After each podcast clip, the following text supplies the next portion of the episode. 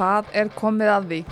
Það er komið að upphyttun á þætti fyrir Pepsi Max-deldina sem hefst eftir einungis 5 daga.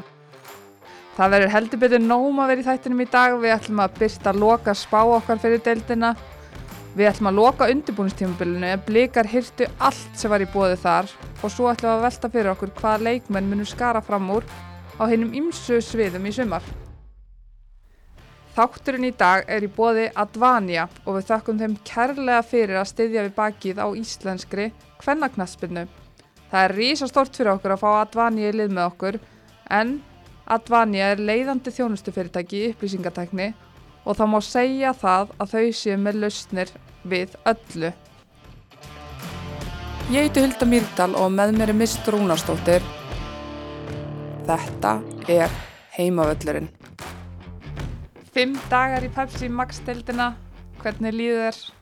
Ég í það í skinninu, ég er ótrúlega spennt. En þú? Já, ég er mjög spennt. Manni, maður trúir eða ekki að þetta sé að byrja núna Nei. eftir allt sem við hefum gengið í gegnum í vettur. Akkurat búið að ríkilega skemmtilega vitur, en mm Mhm. mann finnst svona eins og bara dildin 2018 hafi líku verið að klárast fyrir viku. Það er svo einhvern veginn stutt síðan að, ég veit það ekki, mér fannst ég vera á vellinum að- fylgjast með. En við ætlum að byrja, ég vil ekki byrja að afgreða undirbúningsmótin. Jú. Er það ekki svona rökar réttast að loka þeim kabla? Klárum, klárum það. Mm -hmm. og hérna, svo sem blikar einfalda okkur svolítið í því, því það er eiginlega bara afgreitu þau öll faxi, lengja meistarar, meistarannar þær, eða meistarar, meistarannar þær taka alla þrjá titlana verandi tvöfaldi meistarar eftir sumari þannig að þær eru með þær eiga fimm dollur núna heim í Kópavói þær eiga allt sem er í búið fyrir þær. Það er ekki ammalegt. En þær valsara voru samt, þær unnu riðilin í lengin og svo kemur að þessum úrslita leik þarna upp í þínu, á þínum heimavelli, þróttaravellinum. Og hérna þar vinna blikar, Já, blikar skora snemma í, Kristinn kemur þeim yfir snemma í leiknum Kristi Dís. En svo hérna virtist þetta vera svona valur væri maður bjóst við þeim að þær myndu jafna þennan leik en svo fá þar merk í andlitið Karolina Lea skorar og það er einhvern veginn svona verður frekar þetta var, ja, ég veit það ekki Nei, ég náttúrulega sá ekki leikin, ég sá bara highlights því miður en hérna, maður er búin að heyra þú veist að valskonur hefði haft ágætti stöki í þessu og Mhm. sá mörkin úr þessu, þau eru væ- væga sagt mjög klaufaleg af hálfu valskvenna, ekki það ég ætla ekki að taka neitt af, af blikum að það er náttúrulega gera, gera vel en það var svona eins og, veist, ég veit það ekki. Er, er hérna, eru valskonur að koma upp um sig, eru þær ekki búin að finna betri takt? Eða var þetta slis? Já, það er, það er stórti spurst ég allavega einmitt það vantar, vantaði liði Alexandra var ekki með í þeim leik fyrir blikana. Mm. Agla fer snemma út á Agla Maria fer snemma út hérna Já, hún tóknaði lítilega segi ég, en Já. ætti að vera klár. En hérna, ja, þetta, þetta kom mér allavega óvart með að ég fylgdist með þessum leik og með að við svona auðvitað var þetta léttara fyrir blikana eftir því sem að leið á leikin þá var náttúrulega bara stittra í dolluna en valsar voru í fyrri háluleik með flest völd á vellinu myndi ég segja þráttur að vera undir í leiknum mm, já, svo náttúrulega þegar þær eru undir lítið eftir, farið Mhm. að liðið sitt framar, rasa rasa, sama klísjan, en, en þetta er svekkjandi fyrir þær að því að valskunni voru búin að vera opuslega flottar og samfærandi alla riðilinn og, og blíkar klókir, steini klókur, toppar réttum tíma mm -hmm. og svo náttúrulega sáum við blíkan aftur núna á fimmtudaginn, meisturum meistarana, fengum við loksins að sjá leik með Þór Káa líka. Og þá líka, þá fannst mér blíkaliðið það var svakalega samfærandi í þeim leik. Já, sko ég veit ekki, mér varst Þór Kálið, mér varst það fint í fyrirháleik, þetta var náttúrulega bara svolítið þanniglega stál í stál og þær fengur einn kannski hættulegri færi, en þegar það lendu undir, hvað gerist? Er þetta er bara hrein, þetta er hreinur Það var engin reyfing, engin einhvern veginn vilji sjáanlegur. Ég bara var fyrir miklum vombriðu með setniháleikin hjá Þór Káa, en að sama skapi ótrúlega gaman að sjá hjá blíkonum sko einmitt sem voru aftur án Aleksandru og Öglumarju og hérna sjá hvernig leikmenn og þú veist kannski helst Áslu Mynda og Karolína Lea og Hildur svona sem að mér fannst standa upp úr í þessum leik Solveig náttúrulega skora Já, Sólveig, líka, já. eða skora tvö. Emmett er leikmaður sem að er að fá tækifæri núna, mm þannig að, flott hvernig þær tóku þennan leik yfir og bara kerðu yfir Þór Ká að leið og, og norðankonur fóru aðeins að ég veit ekki hvort það voru að slaka að pyrra sig Ég meina, það getur ekki hafa verið formið að það er að hægt að hrefast hann í sinni áleik. Þetta er ekki hausinn ég, jú, ég bara, og líka bara það er gaman að horfa á þetta bleikaleik, bara leikliðin, bara þegar Solveig fer þannig í þrefalt flikkflakk í ykkur að fimmleika efingar sem ég skil ekki einu sinni, þú veist, það er bara gaman að maður bara einhvern veginn brosir með þeim, þetta er svo skemmtilegt já þetta var allan að fyllilega verðskulda hann á, á fimmtudaginn og auðmitt blikar líta hrikalega vel út verður að, En, að segjast. en nú pæli ég bara í því, mist, að, þeir eru búin að vinna þetta, einmitt, eins og segir, þessi stóri úslita leikir tveir, eru Án, Öglu og Alexandru, nú er Berglindi Björg, þar er Andri Rán, Selmu Sól, já, og hvað, hvernig getum við, nú er ég bara, nú er ég í smástöðu, mist, mm. Sterkasta liði, hvernig, hvað er sterkasta lið blika í sumar, hvernig er Steina að fara að stilla þessu upp? Mm. já.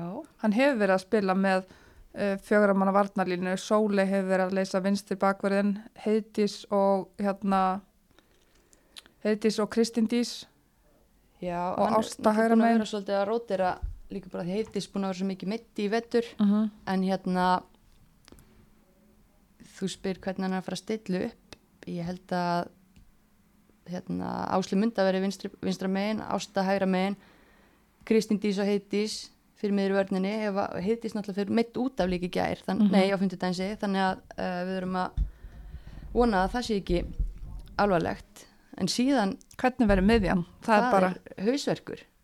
Því að miða við framistuðu þessara leikmanna þá er engin af þessum aðlastiskonum að fara að lappa inn í lið ég segi bara eins og, ég meina, Hildur Antonsson átti stórleika móti val í úrslítaleiknum, það, hún veit jafnvel og við að það eru stelpur að fara að koma bara með flý eftir skammastund, það eru í vélina eru Selma, Sól og Andrea, hún veit alveg að því, Hún er búin að þetta er stimpla hún að sig. spila, spila sig, eða, hérna, gera það besta sem að hún getur til þess að stimpla sig inn í þetta lið, ég lík framistæða og ég mun að fjolla náttúrulega, um, svo sem talaði um það áður að hún er leikmaður sem að fer ekkit brjálæslega mikið fyrir, ótrúlega mikilvæg menn hún er ekki að fara út úr liðinu. Uh, Karlína Lea það er ekki hægt að réttlæta það eftir þetta undirbúnstímabil að taka hann út en hún var náttúrulega ekki byrjunarlið skona þegar að í fyrra þegar að allar voru á staðnum. Hún byrjar þetta mót. Hún byrja pottið þetta móti en hún var ekki í byrjanleginni fyrir en hún fekk, þegar hún fekk sensa þá voru með svakalega tölfræði. Leggur ykkur, upp ykkur sex stykki og bara og var bara frábær. Mm en, en eins og segi það voru það fleiri, ég menna Selma, Sól og Agla Maria uh, og Alexandra þeir leikmenn sem hún var að berjast við um stöður í fyrra þær voru allt leikmenn sem voru topp tíu leikmenn í dildin í fyrra. Þær hefðu gera alla tilkalli að vera valdar bestu leikmenn dildarinnar þannig að, að þetta er ekkit, elsku steini. þetta er ekkit grín en hvernig myndir þú þá stilla, eða hvernig stillir steini? Kannski ekki þú, já. en hvernig stillir steini upp miðjun í náttúrulega ég held hann hljóta að byrja með fjölu Hildi Alexandru. Mm Þú veist, ég veit ekki hvenar Andrea Rán og, og Selma Sól koma tilbaka en þær verður bara að gjöra svo vel að standa sig ógeðslega vel á æfingum. Hérna Agla Marja verður út til vinstri Karolína leða til hægri og ég held Berglind. reyndar að Berglind Björg hún verði eini hérna leikmaðurinn sem að ég ætla ekki að segja hún lappin í lið því hún er alltaf búin að hérna eins og það er allar náttúrulega búin að vera á fullu með sínum skólum og sínu liðum úti en Hún hún, verður fremst. upp á topp, já, Já. við getum svona verið nokkuð vissan um það. þannig að í þessu liði þínu er engin Selma Sól og engin Andrea Rán Ekki til að byrja með og það er bara að því að ég meina ef þú ert þjálfari og, og trítar alla eins þá náttúrulega þú, þú verður að Karolínulega er búin að vinna sinni liðið.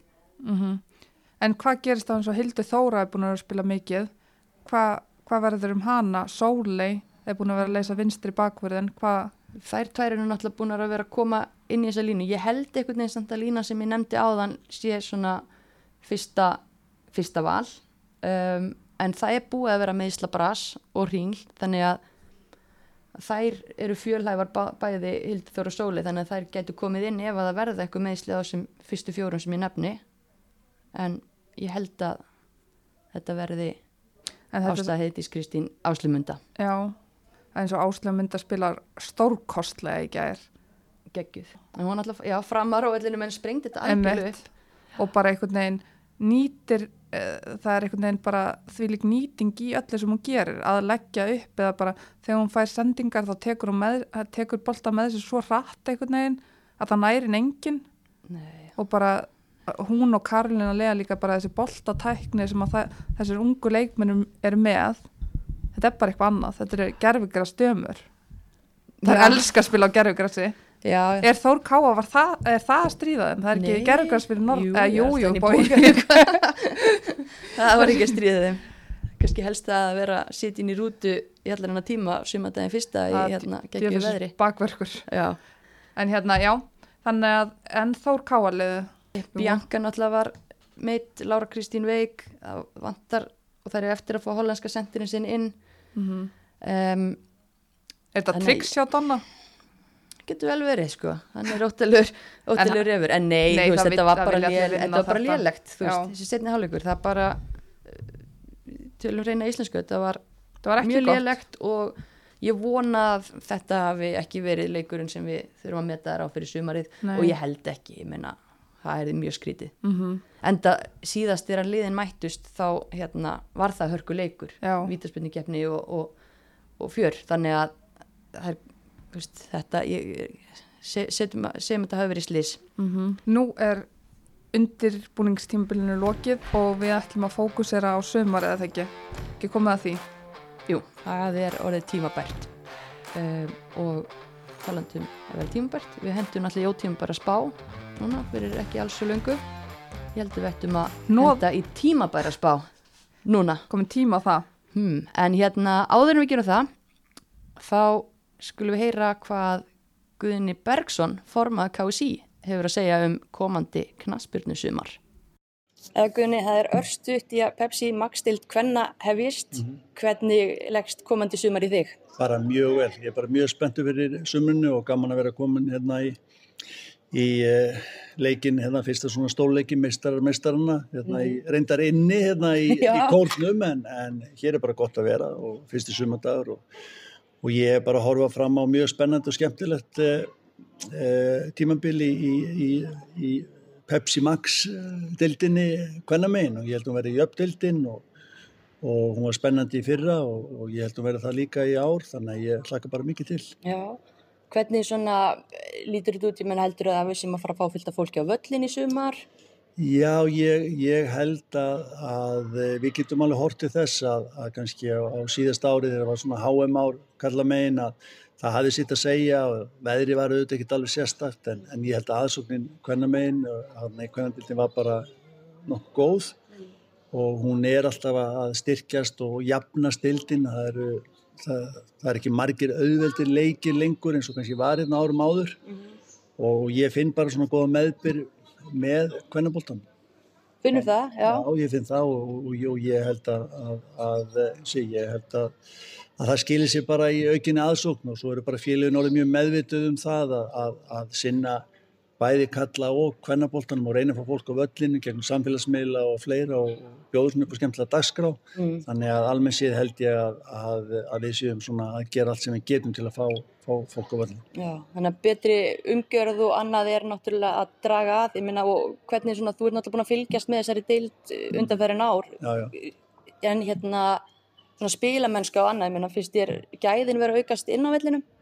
E, já, mér finnst það og, og ég man nú eftir hérna fyrir, e, já, tæpið tveimur árum þegar ég sá nú Þór Káa tryggja sér titilin á móti e, í síðasta leik á móti FH, ungu liði FH-anga sem að, sem að e, manni fannst í raun og veru stórgótt lið FH-liði í þeim leik en, en síðan árin og eftir þá í fyrra lendu FH-angunni miklu mandræðum eins og við vitum og, og, og, niður. Þannig að, þannig að, að, að ég sé svona stöðuga þróun og bætingu í kvennaboltanum og eins og í kallaboltanum. Þetta er alltaf að verða meiri fagmennska, heilsa sport, betri aðstafa, mikill metnaður þannig að, að ég sé vissulega jákvæða þróun í kvennaboltanum eins, og- eins og bara kalla mig líka. Akkurat, hérna, viltu eitthvað kommenta á hvaða lið þú heldur að vinni deildina í sumar? Nei, ég er algjörlega hlutlaus og, og, og ég vona bara að, að kefni verður þetta spennandi og skemmtileg. Við viljum það þetta helst að hafa spennanlega fram í síðustu umferð og, og, og var, þetta, þetta var spennandi fyrir að e, breyðablikur með hörkulið e, og við erum með Þór Káa hérna sem er mjög stert líka.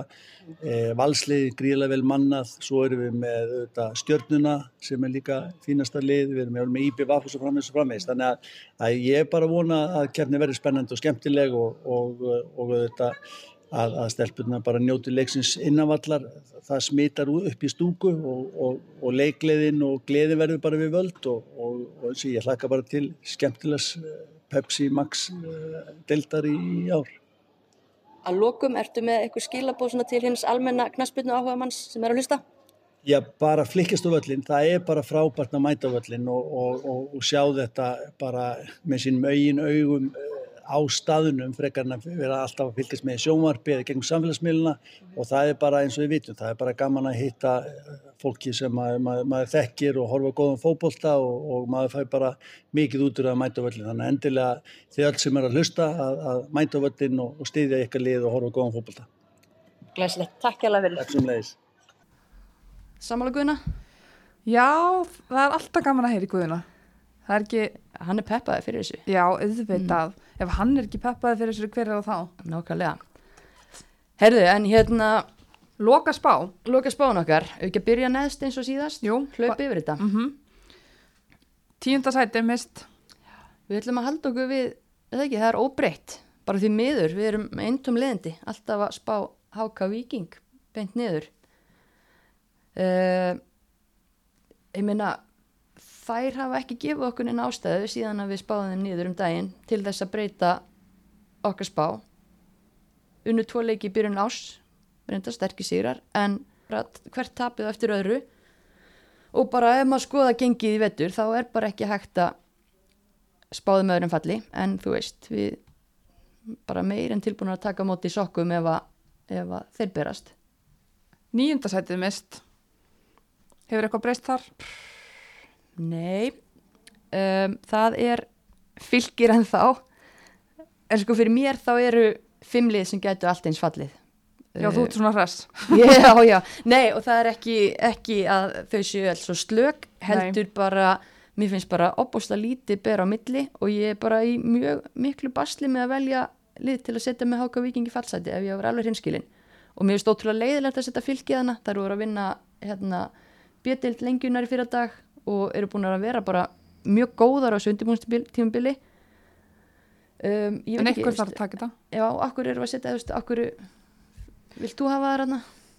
Þetta er bara ef maður skoðar þessi lið þannig kring þá finnst mér bara liðin fyrir ofan vera með aðeins meiri gæðarleikmenn okay. ég bara en ég, eins og ég segi, við erum alltaf tilbúin að borða sokka í öll mál og við bara, ég er spennt að fylgjast með fylgi næst, eða þú veist, í sumar Ég er það líka, ég held að báði nýliðarnir munum koma af með miklum krafti inn í deildina og spila skemmtilegan bólta en þú veist, það er ekkit alltaf alveg nóg og þú veist, stemningin er ekkit alltaf nóg en hún hjálpar opbúslega mikið þannig að ég er það ekkit hissa skiluru fyrir mér að fylgitæki sjötta sætið en mm -hmm. í, í þessari tímabæru spá okkar þá eru það samt í nýjunda sæti okay. en áttunda sæti, Hulda Já, það er Keflavík Við erum reynda búin að færa þar niður. Já. En ég veit ekki, það er ekki beint þeim að kenna. það er okkur að kenna. Já, við tökum það okkur. En það er bara, það er, það er svona, þú þarf að raða þessu upp og þetta er bara svona. Það eru nýlegar. Já, það er líka það. Það er bara erfitt. Um, það eru búin að vera fínar á undirbúinismótinu, fengur þetta skellamóti fylki, en þá vantaði nú, hérna, þeirra tvo sterkustum menn. Já, tvo aflega, Natassi og Svendisi og möguleg ykkur af fleiri, ég man það nú ekki en, mm -hmm. en það var ekki þeirra sterkasta lið þannig að ég ætla ekki að dæma þar af, af þeim leik um, þær eru með opáslega spennandi lið og ég segi bara eins og með fylki ég menna að þetta er alltaf stemningi því að koma upp og þetta eru bæði lið með flotta þjætt að hópa þannig að kemur ekkit óvart ef að það myndu taka, þú veist, sæti 6-9 skiluru, það er bara það er aldrei við lopið en Keflavík áttundasæti uh, sjöndasæti það er Selfoss. Já, en já, þetta er bara Selfoss. Þar eru búin að vera töluverðan tíma í þessari deild núna með sama þjálfaran, sama prógram á stelpur úr háskólaboltanum. Þær kunna sitt, margir að spáða þeim nýður samt. Ekki við. Ekki við nei, en þetta er samt alveg gaml af því að þær hafa mist náttúrulega Keitlin Klemm markmaður meiðist núna bara fyrir stuttu. Hún var náttúrulega opbáslega góð í fyrra. Alisson Harran er ekki með. Uh, háskólastelpunna koma marga hverja seint inn og fara snemm út aftur. Uh, ég veit að Alfred er búin að vera að skoða markmenn og hann er kröfuharður, hann er ekki búin að taka hvað sem er. Að segja allavega, og hérna hefur maður heyrt en, en hann er komið markmann núna og ég held að, að hérna, sett, hef heyrt að hún sé mjög góð og falli vel að þeirra leikstíl og, og hérna annað mikilvægt. Þannig að það var ekki, panik kaupgerð sem að er alveg mjög gott því að Selfoss þarf auðvitað virkilega góða markmann til þess að halda sér í þessari deild. Og við bara gefum okkur það að það hafi verið unnin góð rannsókn að vinna fyrst að það var ekki verið að stökka á þessa fyrstu bytta sem átti að Mhm. lögma til þeirra.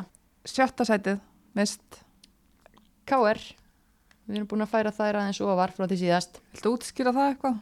mm, Líð er bara betur mannað en í fyrra. Það hendur ekki búin að heitla mig neitt á undirbúnstímbilinu en hérna ég held samt bara með hennan mannskap að þær geti vel náð sjötta sætinu, ég held að fara ekki ofan í það en bara ætti að vera mun beittar í fram á við heldinu fyrra. Mm -hmm. og, Og það er ekki að fara að falla og veist. kannski líka bara skemmtilegra hjá þeim. Ragnar Lóa er, hún er víst held ég bara ágættis blandaði bójunu bójun er skipulagð, flottu þjálfari en nú komið kannski þessi gleði með Ragnu og vonandi nær það bara smita sér þannig að það hafi kannski aðeins meira gaman að þessu Já, það mögulega. bara? Það getur bara vel verið. Já, veist, þetta, það hefur ekkert verið eitthvað brjálæslega gaman að fylgjast með káuleginu undanförun sumur, þú veist, Katrín Ómas er búin að vera náttúrulega mikið að draga vagnin og hún er náttúrulega stór skemmtileg leikmaður á að horfa en þú veist, miðað við leikmennina sem er að koma þanga þá ætti þeir að geta að spila svona eins jákvæðir og skemmtilegri fótbolta líka og ef að hann virkar þá er sjötta sæti þeirra. Fymta sætið, Stjarnan, já, við erum að færa þær hvað niður, niður um eitt. maður fekk svona smá magaverki þegar hérna byrjanleið frá því fyrir að fóra allt en Kristján hefur náða nóða þessu saman, nýju leikmennunum saman og hefur verið að hann er skipiláður Kristján. Og kann þetta. Þær hafa eiginlega litið betur út í vetur um að þorða að vona sko eftir hennar flóta í haust. Mm Mhm. mér finnst það alls ekki vera nálægt þessum þremur bestu liðum deildarinnar en að samanskapi eru þær alveg nógu þjættar og skipulega til þess að lendi ekki ykkur bullandi brasi. Uh, en það verður mjög áhugavert að fylgjast með þessu stjórnuliði að því að minna, við erum vanar að sjá stjórnuna náttúrulega bara berjast um alla titla sem er í bóði og, og svona. Og maður svona sér það ekki alveg gerast. Og hvernig áhrif hefur það í Garðabæin ég menna að fólk að fara að mæta á völlin og, og hjálpa þessu nýja liði af stað? Eða er fólk að fara fólk búið að gefast upp? Eða ég veit ekki. Þannig ekki verið ekki verið góð mæting hérna síðustu ár. Þannig að Nei. hvort þetta ná eitthvað að kveiki þetta er stelpur úr alls konar áttum þannig að það ættu nú að geta sópað til sín výmsu fólki. Nýjum, nýjum stuðningsmenn. Já, er það ekki? garba einhvern veginn ekki að mæta? Já, er það ekki bara? Ég veit ekki, en vonandi ég vona allavega að, að stuðningsfólki hérna taki við sér í, í sumar og, og Mæti já. Fjórðasætið, IBVF, rosa spurningamerki en eiginlega, já. En einhvern veginn við IBVF er bara með það góða leikmenn. Þær eru með Sisi, þær eru með Chloe. Þú veist, Klöru, Caroline, já, ég meina þær eru meðalegt 23 af betri leikmennum deildarinnar. Með Mhm. mikil einstaklingsgæði. Já, kannski ekki fulla breytt en mikil einstaklingsgæði. Og ef að þær sleppa við meðsla bara svo geta svona fundið góðan takt og styrt upp já, nota sínar bestu 11 sem mest.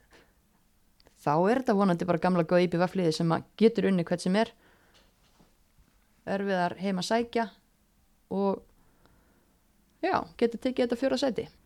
Það er samt alveg heyrt út í bæja fólki jafnvel að spá þeim niður sko. Já. Þannig að ég veit ekki. Þetta er líka bara eins og þú segir, þetta er spurningamerki og fólk við vitum ekkit alveg hverja mæta völlin fyrstu 11 hjá Jón Óla.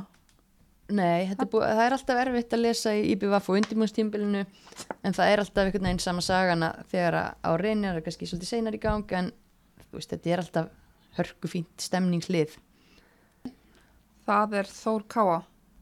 og káa sama stað og, og síðast Já, Mm. mist. Eftir leikin á fimmtudaginn ertu eitthvað efins. Nei, eins og ég sagði á hann, ég ætla bara að stimpla þann leik sem, sem slís ég bara ég trú ekki hérna, það er ekki það sem við erum að fara að sjá frá þeim í sumar þú veist, það er, og ég vil eiginlega meina líka því að fólk er alltaf að tala um að þetta verði eitthvað tvekja hesta kaplöp, ég get alveg trúa því að Þór Káa gæti vel blanda sér í hana því að þær eru að fara að vera óbúslega góðar sérstaklega heimavelli. Það er náttúrulega ótrúlega skiplaðar erfitt að spila á móti þeim og þær geta algjörlega lagt rútunni og svo er það með töfrakonu að fremsta. Þannig að En hvað var að hrjá eins og Stefani Meyer í meistari meistarinn leiknum? Hún sást ekki. nei, hún var mjög einmanna og hún var tín hvort sem að það er hún eða liðið eða væntalega sam, samblanda þess það var, ekki, það var bara ekkert að gerast hjá þeim. Þannig að það er alveg að nefna fleiri leikminni minna það var veist saga fín hjá þeim sérstaklega fyrirháleik en síðan bara veist, veist, engin góð í setni háleiknum hjá þeim nei, í þeim leik. Þannig að og við náttúrulega auðvitað vorum að horfa á mæjurinn en, en hérna í svona einhvern veginn hauslausum leik þá finnst mér ósangert að fara eitthvað að bauna hana mhm. En er þetta, er, Þór Káa eins og þú segir að þú heldur að þær geti stríkt þessum tveimur efstu? já, ég held það Já, ég og bara vona að, að þessi hollenski sendir sem er að koma til þér, ég vona að hún sé góð mhm. og ég er að gefa mér og hún sé það og þá held ég að og saman náttúrulega það, þetta er töluvert þinnri hópur heldur en þessi hinn hin tvö liðin, sem alltaf að tala um í sér topp áráttu en þannig að má ekkert mikið út að bræða en bestu 11 hjá Þór Káa að halda skipulagi og fá hérna, hennan sjúka sigur vilja upp sem við höfum séð hjá þeim gegnum tíðina að okkur ekki, og þá er það stóra málið sem allir er að býða eftir. Aha, fyrst á annarsætið Damdar og randamdam Skildu við hafa skipt um skoðun síðan síðast? Já, oft og mörgu sinnum. En við ætlum að spá Val öðru sæti og þar að leiðandi blíkum fyrsta sæti Við erum nú búin að ringa snúast aðeins með þetta Heldur betur en einhvern veginn ef maður telur byggarna upp í smáranum núna þá er ekki annað hægt eiginlega. Nei, Þetta er samt galið með að við leikmennar sem að valur að fá fyrir móti að þeir sé ekki þær í stöðu að hérna, vera spáð fyrsta sætinu hérna hjá okkur. Já, við hefum kannski spáð öðruvísi fyrir nokkrum dögum en mér finnst bara allavega, ég, við erum búin að sjá veikleika hjá báðinliðum á undirbúinstífinlu og þeir eru svona tilbaka hjá báðinliðum bæðilið búin að vera mjög flott fram á við en mér allan persónulega finnst blíkar bara ennþá svona aðeins betur synkronæsaðar, samstiltar Meira lið. Já, ennþá, mér finnst allt annað að sjá valsliði núna heldur en síðasta Í sumar fyrra, já, ég er sammála því. miklu meiri svona stemning og, Mhm. og samhældni og en svona þú veist, bæðilið varnarleikurinn aðeins spurningamerki reyndar komu leiðilega fréttir frá valskonun í vikunni að Málfyrir Erna er komin í pásu frá fótbolta Eina jákvæða við það er að Pétur er ekki með þrykkjandi mýgurinn eða það ekki. jú, allavega ekki fyrir öftustu línu þannig að það, það var rauðveldara fyrir hann að velja velja varnarlínu Já, ég meina, ver, verður ekki varnarlínan Hallberg Guðunni Lilli Elísa. Hann verður, ég meina, ég hugsa að það sé hans fyrsta fyrsta val mhm, allavega verða þessir hafs, hafsendar á sínu stað hérna, en ég meina, er hann búinn að finna réttu blönduna, Pétur, hvað heldur þú? miða við hvernig hann hefur verið, ég veit ekki, Elísa spilar ekki leikin á úrslita leikin í lengjunni. Var hún meitt eða, veistu það? Ég bara er ekki viss, en ég meina, hún og Hallberg bara einhvern veginn maður gefur sér það að hann ætlaði að spila landsleiskonunum þarna Mm í bakverðunum en svo er aftur mútin hefur verið að spila öllu og dóru mikið upp á síðkast inn á miðjunni er það ekki, er það, hann er búin að ákveða það þá Það er reynsla fram yfir hérna, ungar og efnilegar, já. kannski minni hlaupa geta eins og ég minna Stefania var að spila í fyrra Já, hún er alltaf algjör þeitu vinda. hún er náttúrulega yngri eða þú veist Breytist, breytist hérna náttúrulega takturinn í spilinu öðru, já. En, náttúrulega- ég, allan með við það sem við höfum séð, þá verðist hann alltaf byrja að velja þessa reynslu. Fandi svo hlín og Margrét í hólun og Elimetta fremst er þetta ekki svona Ég myndi halda það að þetta er í liðið í fyrsta leik, en hvað veit maður? Guðrún Karitas skora helling á uh, undirbúinustímbili Reykjavíkumótinu þú veist hann er með Telmi Björk á bæ- bekknum líka Bertísi Fanne sem að fjakra á skagamennum Ástís Karin en þótt í skóla Malla sem hefur verið að spila Mm komin að bekkin eins og þú segir Stefania mist, komin aftur Þetta er rosalegt, rosalegu bekkur. Já, það er allan að breytt, þannig að ef að vals fólk lendir í meisla brasi þá ættu þær ekki að lenda, þetta ekki að veikja liðið mikið að þurfa að, að breyta einhverju. en í fyrra blika vera mestarir í fyrra rúla á sama liðinu er þetta er ekki best bara að rúla á sama liðinu Ég myndi halda það hann er búin að finna réttu blönduna, en hérna, en ég veit ekki hvað hann er að pæla, ég veit ekki hvort að hópurinn er svona stóra því hann ætlar að vera rótira eða bara að því hann vil hafa úr nægu að, að velja sem er náttúrulega bara gæða æfingum. Já, og bara gott fyrir hann að geta haft samkeppni og, og svo leiðis, en hérna, liggur ljóst fyrir að það eru blikar samkvæmt tímabæri spánni sem að verða Íslandsmeistarar. Eru við ekki bara sáttar með þetta núna allavega? Jú, ég held að, að það er allan ekki þetta skammast mikið í okkur, blikar eru búin að vinna síðustu fimm dollur sem er í bóði, lita hrikalega vel út, eiga samt fimm landslískonur inni til dæmis frá leiknum á fimmtudaginn.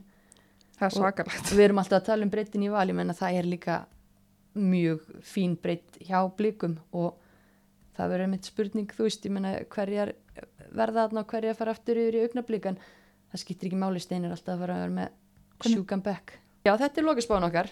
Blikar Íslandsmeistarar 2019 mm en ef við þá ekki bara vind okkur yfir það fyrst að Steini er búin að hrúa þessum titlum til sín?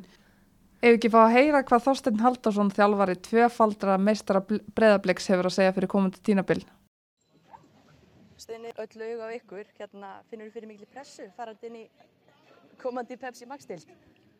Nei, held ekki, ekkert meiri pressa heldur en við setjum á okkur sko og hérna æfingamót, mótin í vetur og fólk segja alveg ekkert það gerir ekkert fyrir okkur fyrir sömari, það vil ég allir bara vinna stór stóri pitla og hérna sjálfur sér er maður ekkert að maður náttúrulega horfa alltaf hluti núna heldur en maður kannski horfa á Íslandmótinu og, maður, þá fer maður að horfa í úslit en núna stýst þetta aðeins spilamennsku og, í svona hluti sem getur gert betur og, og laga hluti og, og, og, og halda fyrir maður að gera góða hluti þannig að sjálfur sér er er þetta bara und, undirbúnismót þetta er náttúrulega bara undirbúnisleikur og, hérna, og allt, sjálfsög er alltaf gaman að vinna allt en, en maður er sjálfsög ekkert ég er ekkert heimilefandi með sumar að ég er öðru seti byggar og deild og samt vunni mestar mestarinn á lengi byggar sko.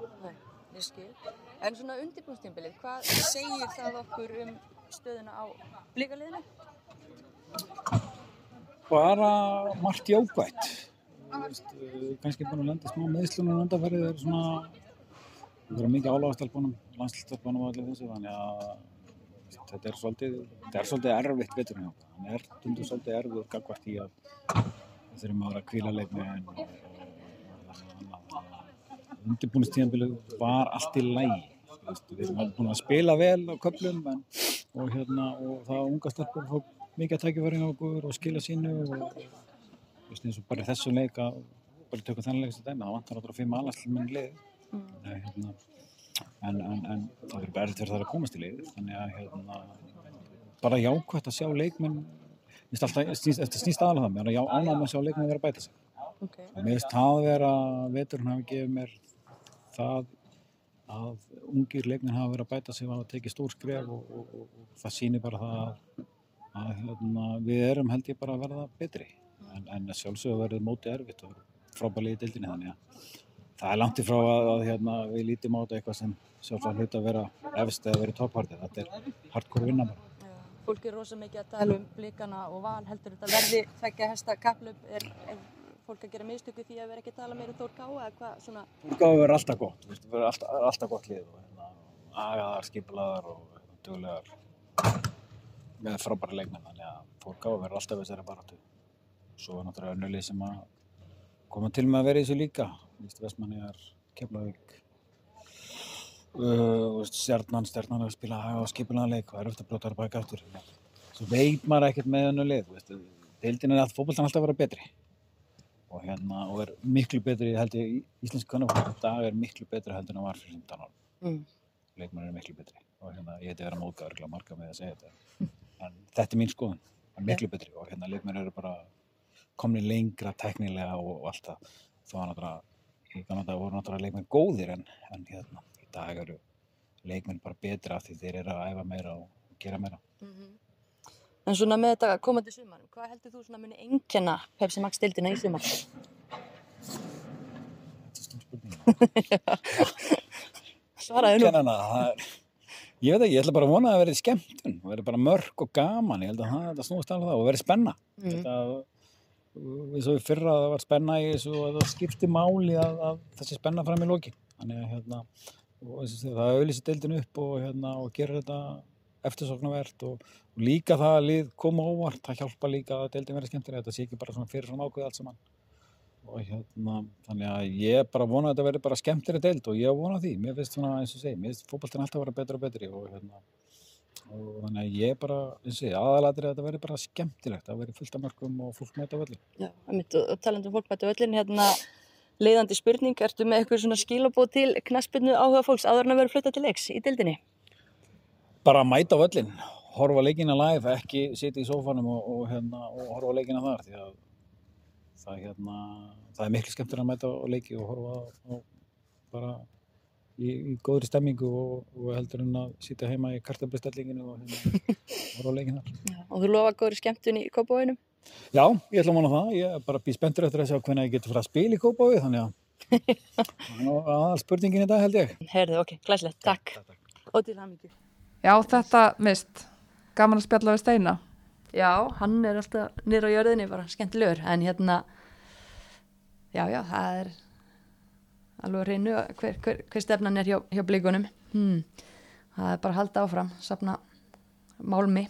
Safna Málmi segir mist. En hérna, þá komum við að því að við ætlum að velja fimm líklegar til að vera alls konar í Já, fimm dagar í mót og fínt að taka þessa fimmu í tilefni þess. Já, þá byrjum við á hérna spjaldahestar í sumar. Fimm líklegustu til að vera spjaldahestar í sumar. Já, Það var áberandi mjög Við fengum hjálp við þetta á samfélagsmiðlum og hérna, mist, vilt þú tilkynna þessa fimm? um, Svo fyrsta á blaði fjóla. Já, samfélagsmiðlarnir voru með það nokkuð á tæru að fjóla erði þarna á blaði yfir, yfir fimm líklegasta til að vera spjaldahestar. Við tökum alveg undir það. Við erum ekki að rífast, rífast um það. Hérna, grjótörð. Adda, hún mun fá spjald í sumar. Einhver sagði nú ná hérna samfélagsmiðlum fyrir töð. Já, hún fær eitt eða tvö fyrir tuð og, og, og eitt eða tvö fyrir, fyrir hérna strau. Það ekki? Jú, það heyrist þín, það er gaman að því. Já. Síðan hérna þessa kannski voru svona the obvious choice, eða ekki?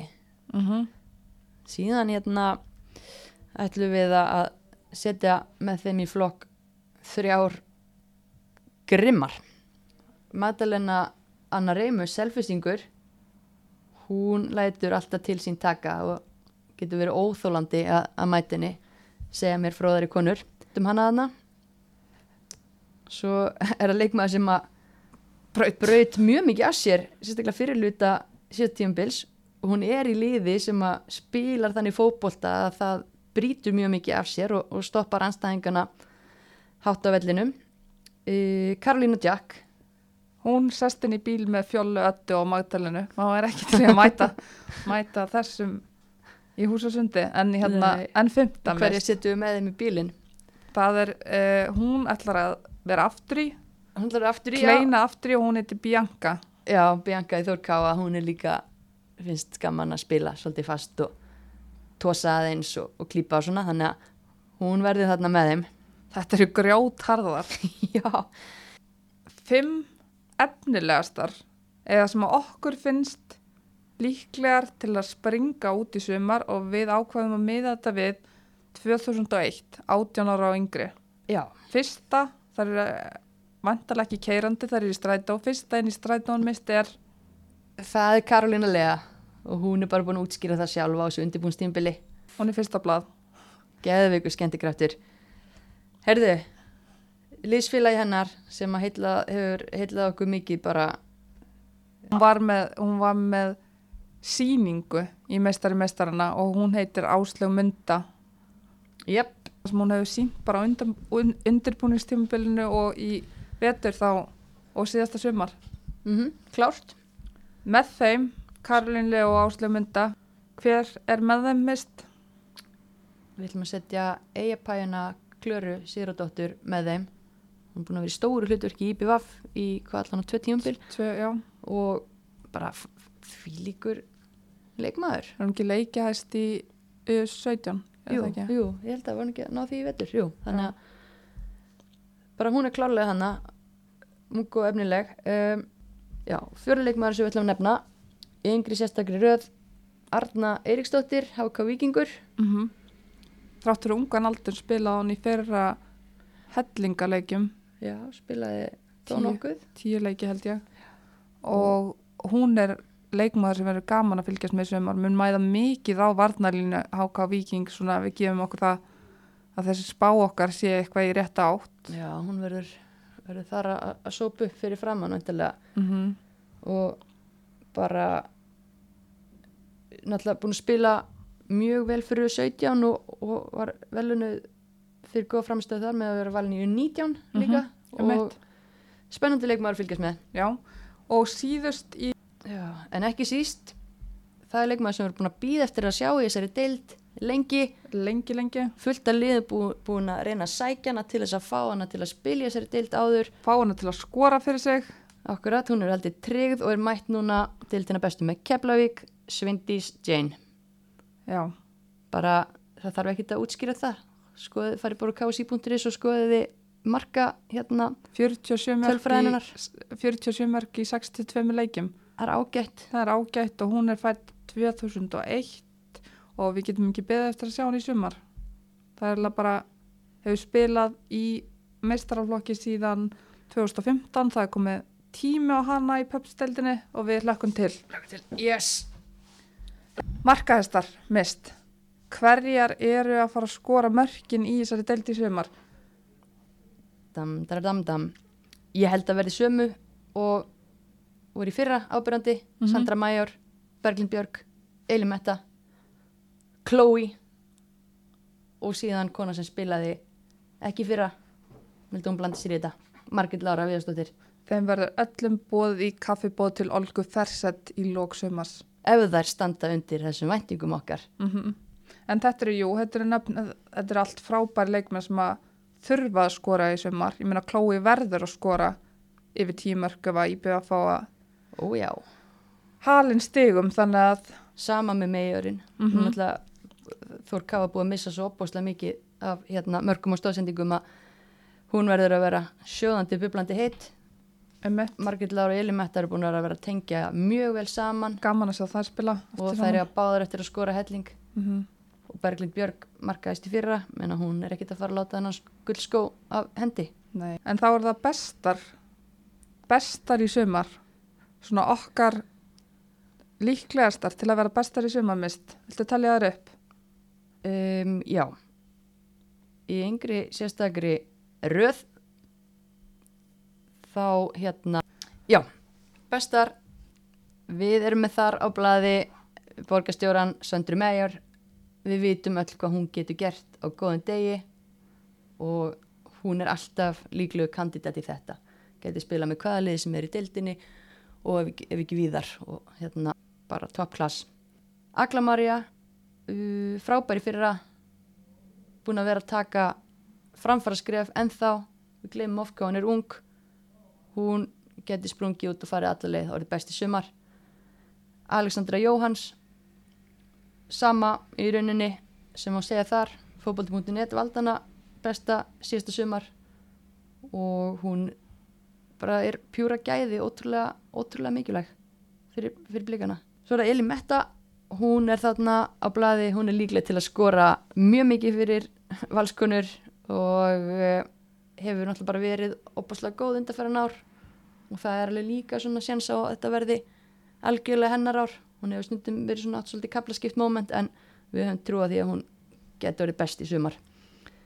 Þá er það síðust. Fymti leikmaðurinn, leikmaður sem að vill svo sannlega ætla sér að hérna sína hvað hann getur í sumar það er Fandís Friðriksdóttir valsari þannig að þessar fimm Sandra Major, Agla Maria, Alexandra Elimetta og Fandís þetta eru fimm leikmenn sem við og bara svona flestir er það ekki Jú, fylgjendur heimavallarins erum, erum sammálu um að séu mjög líklegar til að verða bestar í sömmar. En Yes. mist, þá er ég með spurningu. Hérna, það, var, það voru eitthvað um kaup og sölur í hérna vetur. Hvað myndir þú segja að væri svona kaup tímabilsins? um, ég er mjög hrifin af því sem Þór Káa gerði að ná í Láru Kristínu hún er ótrúlega góður leikmaður og passar mjög vel inn í leikstílinn hjá Þór Káa að mínum mati þannig ég held að svona allavega innlend, í innlendum viðskiptum þá myndi ég Já, mögulega setja þetta efst já. á lista, Lára Kristín Norður Mm en þú, svo grilli þín út tilbaka Ef þú ert með Láru Kristínu þá ætla ég að taka það sem ég er svona spenntust. ok, Uh, spenntust fyrir að sjá, það er gumma í Káar. Mér, mér finnst það klókt hjá Káar að sækja hana, þeim hefur vantað slúttara fram á við og hún er bara gæða leikmaður sem bara gæði 96 mörg í 173 leikjum og ég hef bara, hún með Katrín Ómas, ég held að þetta verði skemmtilegt, að Já, ég er samanlegar, ég held að vera mjög gaman að að sjá hvernig hún tekur sér út þarna í röndóttu, Röndóttu, já.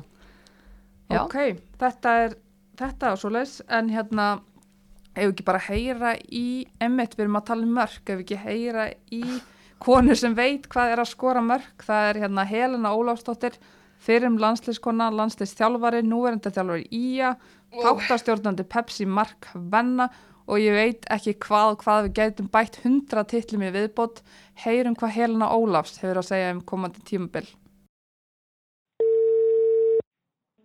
Halló, Helena. Já, það er hún. Sæl og blessuð, þetta er mistjarna heimavallar stýra. Blessuð, gaman að heyri þér. Já, sem leiðis. Hvað segja konur gott nú þegar það eru fimm dagar í að knattspyrnu sumari hefjist formlega?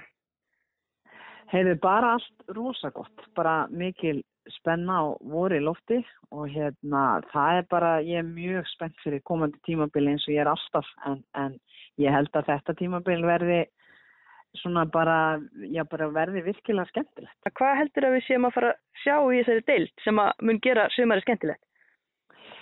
Sko ég, ég er búin að pæla svolítið í þessu og það, ég held að við séum að sjá hörku toppslag sem að er ekkert alveg útséð hvernig endar en það á það ekki vera þannig. En síðan held ég líka að neðri hlutin getur orðið svolítið aðtiklisverður og hérna þannig að ég held að deildin getur orðið, þannig oftalega um hún sé þrískipt en ég held að hún getur orðið jável tvískipt og, og hérna þannig ég hlakka, hlakka bara mikið til. Ég, ég held að við séum kannski að sjá svona þrjú lið berjast á topnum en síðan sé ég eiginlega fyrir mér að mm, sjölið verður svolítið að berjast í hinnum hlutan. Já, hva, hvaða auðvitað lið? verður eitthvað miðja en, en uh, ég veit ekki meir. En hvað sér, hvað er Nei, lið? Hvaða lið sérðu þið þarna í, í efstu þremur? Sko, blikarnir lítar náttúrulega stórvel út og hérna einhvern veginn meðan steina og bregablik þá virðist aldrei skipta máli þó að vanti eh, 1, 2 eða 5. Hann á bara endalust af ungum og efnilegum stelpum Já, og hann er líka bara klókur í að finna þeim stað og klókur í að breyta þeim stöður ef, að, ef hann þarf á leikmanni sem að maður hefur séð í allt annari stöðu, kannski upp alla yngirflokkana. Þannig að ég held að blikar verði sterkir en að sjálfsögðu svona fyrirfram átti ég von á því að Valur kannski myndi taka þetta toppsæti í ár. Og byggir það náttúrulega bara því að hópurinn er gríðarlega reynslu mikill og, Mm. og stór og, og hann, ég held að Pétur sé nánast með tvölið og ég svona, ég rekna með að það sé líka mikil pressaðar þetta ár og hljóti bara að vera með það sem maður hefur gerst á leikmannamarkaðinum þannig að ég á vona því að Valur eiginlega bara á að vinna þetta svona finnst mörgum Já. en ég held að verði erfitt að íta blikum frá sér og jafnvel Þór Káa þó að illa hafi farið í meistarleiknum í gerjaðin. Svo talar um bara að, hinn sjö liðin getur bara öll verið að þarna í einhverjum jafnum, jafnum slagsmálum.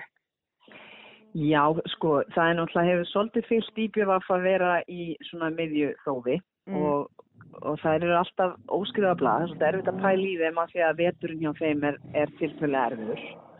En auðvitað á ég vona því reynslu þeirra vegna að þær verði kannski svona í þessu miðjumóði. Um, ásamt kannski stjörnunni, ég held að stjarnan verði ekkert afgerandi endil í fjórðasæti með að við líka miklar breytingar fara, eiginlega bara gjör nýtt lið. Gætu þessi bæðili verið það, jáfnvel káer, en ég er svona, af því káer hefur svona í fyrsta sinni langan tíma verið að bæta eins við sig innlendum leikmönnum og verða ekki með útlendingar, þá kannski gætu, þær hafa líka bara svo mikla reynslu Já. innan sinna, sinna raða þannig að ég á svona, þær gætu verið þar en ég held að þetta gætu orðið snúið hjá HK Viking eins og margir gera ráð fyrir þá gera þeir ráð fyrir því að þær falli. Já. ég held að þetta annað árið er að geta orðið orðið þeim svolítið erfi og spurningin er svo Selfoss Keflæk fylgir um, fylgisliði lítur rosalega vel út en hvort að það er halda út skilur veit ég ekki en það er líta samt út fyrir að, að þóla þetta sumar og vera áfram í Pepsi. Keflæk geti komið á óvart Já. og er með virkilega svona skemmtilegan og sterkan hóp og, og hérna þannig að selfóslið svona er að byggja upp og er með þrjá útlending og annað. Ég, mér finnst eiginlega mér finnst náttúrulega galið að spá ykkur niður, mér finnst það svo erfitt. Það er er, og ég heyrði að því voru aðeins í vandræði með það í ótíma bæri spáni en já, mér finnst það líka að því ég held þetta verði svo bjart Já, vonandi hérna, fáið svolítið að vísbendingum í þessari fyrstu umferð hérna á fimmtudaginn og, föstudaginn. Þá verður þetta Já, kannski aðeins auðveldara. Það er svo mikið af hreyfingum með mitt akkurat núna. Bara Já. kortir í mót. Það er ennþá að bætast við mannskapur og, hérna, og, og það er svo lítið og hérna, mun bera á milli held ég líka. akkurat, það, eins og maður sá að HK Víkingu var að sæna markmann og, og, og hérna, þannig að það, ég held svona, K er að bæta við sig, það er svona, það er mikið í gangi mitt, akkurat þessar mínútur og það er svolítið erfitt, það er svona alltaf snýst þetta svolítið um hvernig liðin púslast saman, af því að það er líka erfitt að fá leikmenn inn á síðustu metrunum, Já. en þetta verður bara mjög spennandi. Já, ég er sammálaður því, ég held það, en hérna svona áður en ég sleppi þér, um, er ykkur svona leikmenn sem þú myndir mæla með að fólk fylgist með í sumar? Hverjum er þú svona spennt, eh, spenntust að að- að fylgjast með? Ég er náttúrulega svolítið lítið á þessu leik sem ég sá í gerð. Ég held sko að hérna eins og blikalið og ég, ég hlakka svolítið til að sjá hvernig Steini púslar því saman því að þegar að þær fóru nú í, út í skóla leikmennir hans eins og Andrea og, og Selma og þá hérna komu leikmenn eins og Karolína lega sterkinn Já. og mér varst hún sína í leiknum í gæra, hún er bara klár algjörlega og hún sætti sér væntalega ekki við að sitja bekk. Þannig að ég hlakka svolítið til að sjá bara þessa ungu blika. Og náttúrulega Selma var frábær í fyrra ég held að það væri bara framhald af því Alexandra frábær skilur þannig erum við að tala um kannski svolítið komandi kynslu sem er bara mjög spennandi það verður líka þetta gaman að fylgjast með nær Marget Lára fyrra flugi skilur, hún er alltaf komið inn eftir meðsli og basburð og, og verður svolítið fróðlegt að sjá það. Ég sá að Mist Edvards var að komast í gang og ég svona hlakka til að sjá kemst hún í takt við þetta. Hún er búin að vera einstaklega óöfin í meðslum. Já, akkurat, þraut segja og, og að vera gaman að, ég er samanlegaður, ég er spennt að sjá ekki síður en þessum ungu efnilegu, hérna, einmitt, leikmenni svo mist og, margriti svona þeirra, þeirra comeback, sko. Akkurat, svo vona ég náttúrulega Já, leikmann hann í val sem var í skaganum í fyrra, það er Bergdís Fanney og ég er að vona að ég sjái hann í stóru hlutverki með val í sumar og það er alveg leikmaður sem að verður gaman að fylgjast með í Pepsi. En ég, veistu, við getum talið þetta fram á nótt, sko. ég, ég, ég get alveg sagt þér að það er líka eins og hún hérna Sveindís í Keflæk, það er Mm. gaman að sjá hvernig hún plumar sig í þessar bild og mar, margir búin að býða eftir því að, fá hana þangað. Þannig Akkurat. að það er eins og ég segi, við getum lengi talið en vonandi, vonandi sjáum við bara eitthvað nýtt. Það er alltaf skemmtilegt þegar eitthvað svona brýst fram á sjónasviðið sem að kannski maður á ekki vona eins og, ég, eins og bara leikmaður eins og í gæra Áslumund, já Áslumunda, hún var bara frábær Stórkastleg. og uh, gríðalegt efni þar og, og hérna, þannig að við, eins og ég segi, við þurfum ekki örvænta við um fullt af frábæri leikmönnum og það er bara svolítið fyrir að taka sviðið.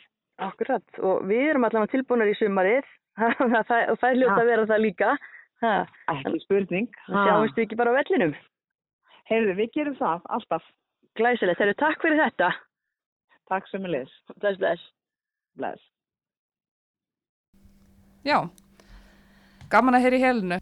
Já, gaman að heyra, heyra í helinu og það verður gaman líka að fylgjast með hvað hún ætlar að gera með skagastelpum í Inkasso í sumar. Já, þetta verður, verður hérna skemmtilegt að alltaf gaman að heyra í helinu en nú er, nú er korter í fyrstu umferðina og bara uh, það eru margir skemmtilegir leikir á dagskrá en ég ætla bara einhvern veginn mist, ég veit að það er erfitt að gíska úrslitin, við gerum það samt.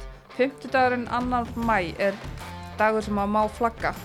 Já, þá má taka upp fánan og já, er ekki bara einmitt við hæfi að henda í Spá. í spá fyrir þessa fyrstu umferð. Þetta er nefnilega, minnst þetta mjög flott fyrsta umferð. Þetta er allt, þetta er engin svona þessi svo kallaði skildu sigur sem að reyndar er eitthvað hugtak sem ég finnst nú ekki að vera Við erum búin að Til. gra grafa það. En hérna, þetta er allt svona leikir sem að liðin þurfa og vilja vinna ef þau ætla að ná sína markmiðum. Þú veist, það er engin að fara í þessa leiki og geta verið sáttu með stig eða svona, að það er nú allt í lagi að tapa á móti þessu liða því við hefum þetta og þetta eftir. Líka, mér veist ekkert að þessu gefins fyrirfram. Það er erfitt að giska á þessu úslit. Þegar að fara yfir hvaða leikir þetta eru. Já, við byrjum á hásteinsvellinum.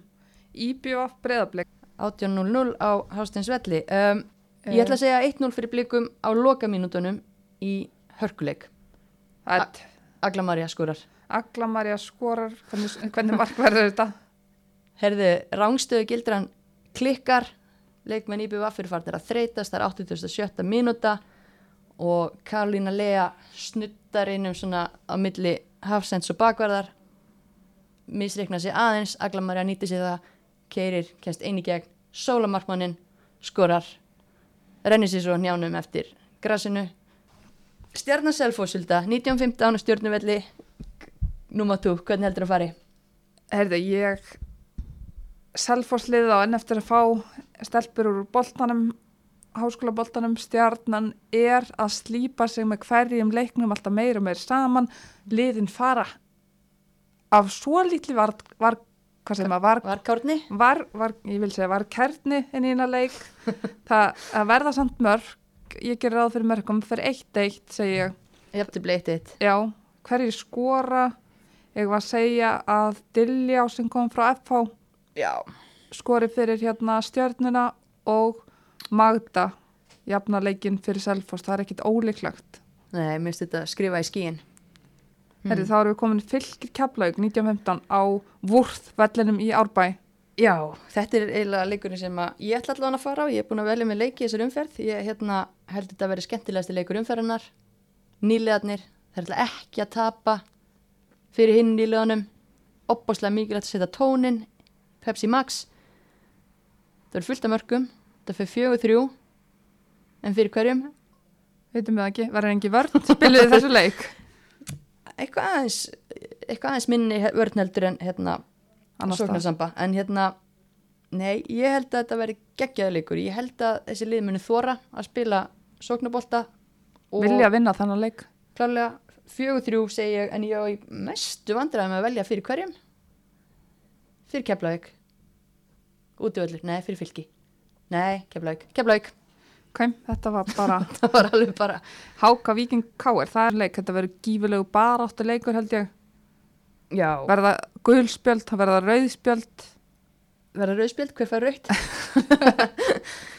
Ég í stúkunni. Uh. Nei, þetta, Nei. þetta er þrjusuleikur og hérna, ég segi 2-1 fyrir Káar. hver er skora? Gumma skorar 2, Karolina Jack 1 fyrir Háka Víking. Selt. Herðu, og svo hérna lokaleikur umfyrirnar sem er á föstu daginn, risaleikur, stórleikur umfyrirnar, eða ekki? Jú, það hljóta allir að hóast á vellin þá. Já. Það er líka bara eitt leikur í gangi og maður þarf ekki að velja. Þannig að það er Valur Þór Káa. Hvernig fer þessi leikumist? Ég held að Valur vinni. Já, hvernig fer þetta? Það, fari, þetta verður ekkit brjála stórt en Valur kemst yfir snemmileiknum. Þór Káa fer að opna sig framar völlin. Valsara refsa í lokin. 2-0 fyrir Val. Elimetta með bæði. Ekki vittlust, ekki vittlust bá það. Nei, sjáum til. Sjáum til hversu góðar, góðar spákonu við erum. Ég held að þetta sé bara að vera flott. Við erum búin svo lengi að tala að það dildi fyrir að byrja. Fyrir að vera seinar. Að lokum áður en að við kveðjum hérna í dag þá skulum við heyra hvað landslistjálfarinn okkar Jón Þór Haugsson hefur að segja um komandi sumar. Eh, Jón Þór, það er örstutt í Pepsi Max til kvenna. Hvernig svona sínist í liðin vera að koma til leiks? Já, ég hérna, sé, bara, sé bara mjög hérna, spennandi spennandi tímar framöndan minn sínst liðið að vera stígandi hjá liðunum og, og, hérna, og hefur verið virkilega gaman að fylgjast með, með hérna, núna upp á síðkasti keppnunum og, og þetta úslita leiki núna sem er að klárast og, hérna, ég, get ekki hana en liðin séu bara klári klári slægin og það er, það er hérna, bara spennandi sumar framöndan margir, margir virkilega öflugi leikmenn og margir leikmenn sem að spila virkilega virkilega flottan fótbolta og margir etnilega leikmenn og, og, og þannig að ég held að við séum bara að horfa fram á mjög skemmtilega deildisumar.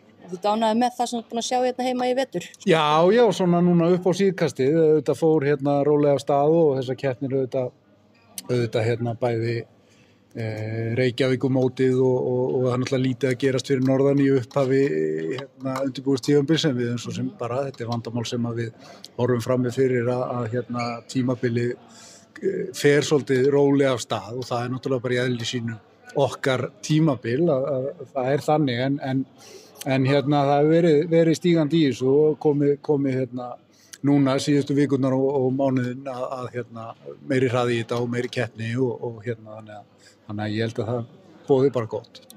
Hvað, svona, hvað erum við að fara að sjá í Pepsi Max deildin í sumar?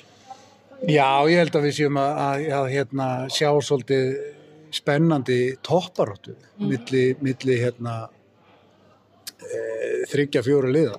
Og, og, og hérna, ég held að hún verði jöfn, hún fari, fari mjög, mjög kröftuð stafi, fá með þetta frábæra leik í fyrstu umferð, hérna Valur Þór Káa og, og hérna og, og, og við sjáum hérna e, munum sjá svolítið hérna, já, frekar jafnadeild, kannski tvískipta eða þrískipta en, en það verði jaft í þessari baróttu bæði á botninum og, og upp, á, upp á topp þannig að, þannig að hérna, ég held að held að uh, það verði keppni í þessu alveg fram á loka myndrana í deildinni. Já. Og hverju verður þú svona helst að leita eftir á völlunum í sumar, svona upp á landsliðið að gera? Já, við erum næsta verkefni okkur er í júni og, og hérna það sem, að, það sem að ég eru auðvitað að fylgjast með er, er, er, eru eru þessi leikmenn sem við erum með fullt af landsleikmannum í pefstildinni þannig að, hérna, ég mun auðvitað fyrst og fremst vera, vera að, að hérna, fylgjast með okkar leikmannum í deildinni og, og það eru auðvitað, auðvitað stór hópur að fylgjast með þar og, og, og hérna það eru leikmenn sem að, sem að hafa ekki verið valdir að það sem að afir ári sem að það er líka að fylgjast með og eru, eru öflugir leikmenn sem að, sem að hérna sem að hérna, ég verið að fylgjast með og, og er bara mjög spennandi. Ég er búin að býða lengi eftir að, að þessi pefstild byrji og hérna eins og ég segi, sagði áðan að svona í upphafi árs og, og svona er undirbúinst í fer af stað þá kannski sér maður ekki alveg þá hluti sem maður vill sjá. En, en, en ég er búin að býða lengi og spenntur eftir, eftir að deildin byrji þannig að þá getur maður að sér maður betur, betur hérna e, svona frá, frá augum okkar í landsliðinu maður getur betur metið ímsa, ímsa þætti þegar deildin byrjar. Akkurat. Þetta eitthvað tjáðið um hvaða lið þú heldur að vinni deildina? Nei, nei, ég held að, að hérna, ég held að þetta verði Þór Káa, ég hérna, hef verið, verið, verið hrifin að því sem þeir hafa verið að gera í vetur og, og þær munu alveg, alveg pottitt vera, vera í þessari baróttu ásand val og, og breyðablík. Ég, ég, ég get ekki séð á þessum tíðanbúndi hvaða lið verður Íslandsmeistari en, en, en ég held að þetta verði mjög öflug barátta uh, allt, allt til loka. Okay. Og svona að lokum, ertu með hérna, eitthvað skilabóð til knatsbyrna áhuga fólks í landinu svona fyrir mót? Já, ekki spurning að, hérna, drífa sig á völlin, það er virkilega hérna, uh, skemmtileg deild framöndan og, og flottur fótbolti og flott umgjörð og, og, og frábæri, frábæri vellir og, og hérna, ég held að hljó, bara hljóta vera mín skilabóð til fólksins í landinu að drífa sig á völlin og, og, og sjá bæði bæði hérna, hörku keppni millir þessara liða og marga frábæra knaspundum sem eru að koma upp í, í, í hérna, deildina og, og bara virkilega spennandi sumar. Glæsilegt. Takk hjá Takk sem leiðist. Já, það gaman að heyra í Jóni Þóri, hann mun hafa í nægu að snúast við að fylgjast með leikmunum í dildin í sumar, fullt af, af spennandi leikmunum sem hljóta að vera banka hóp hjá honum. Mm Já, já, með nýjum þjálfara koma nýjar áherslur og hann hlýtur að vilja skoða alls konar hluti. Hann verður í stúkunni sumar, við verðum í stúkunni sumar. Það eru, ég meina, við mættum á meistari meistarina, tróðfull stúka. Það er, fólk er byrjað að fatta það að stíga upp úr sófanum og drífa svo vellin. Já, það er miklu skemmtilega, bara alveg svo viðmældur okkur að segja þarna, miklu skemmtilega, allt annað að vera á staðinum og fá þetta byndi að. Og hvað er líka skemmtilega en að bara mæta vellin, hitta fólk. Við erum á Instagram líka og ætlum að sína frá því sem er að gerast. Fimm dagar í þetta. Ég er búin að opna eina svelk halda Pepsi Max og við hlekkum til að fara á völlin í Pepsi Max deildinni og fylgjast með og við vonumst til að sjá ykkur þar. En takk fyrir okkur í dag.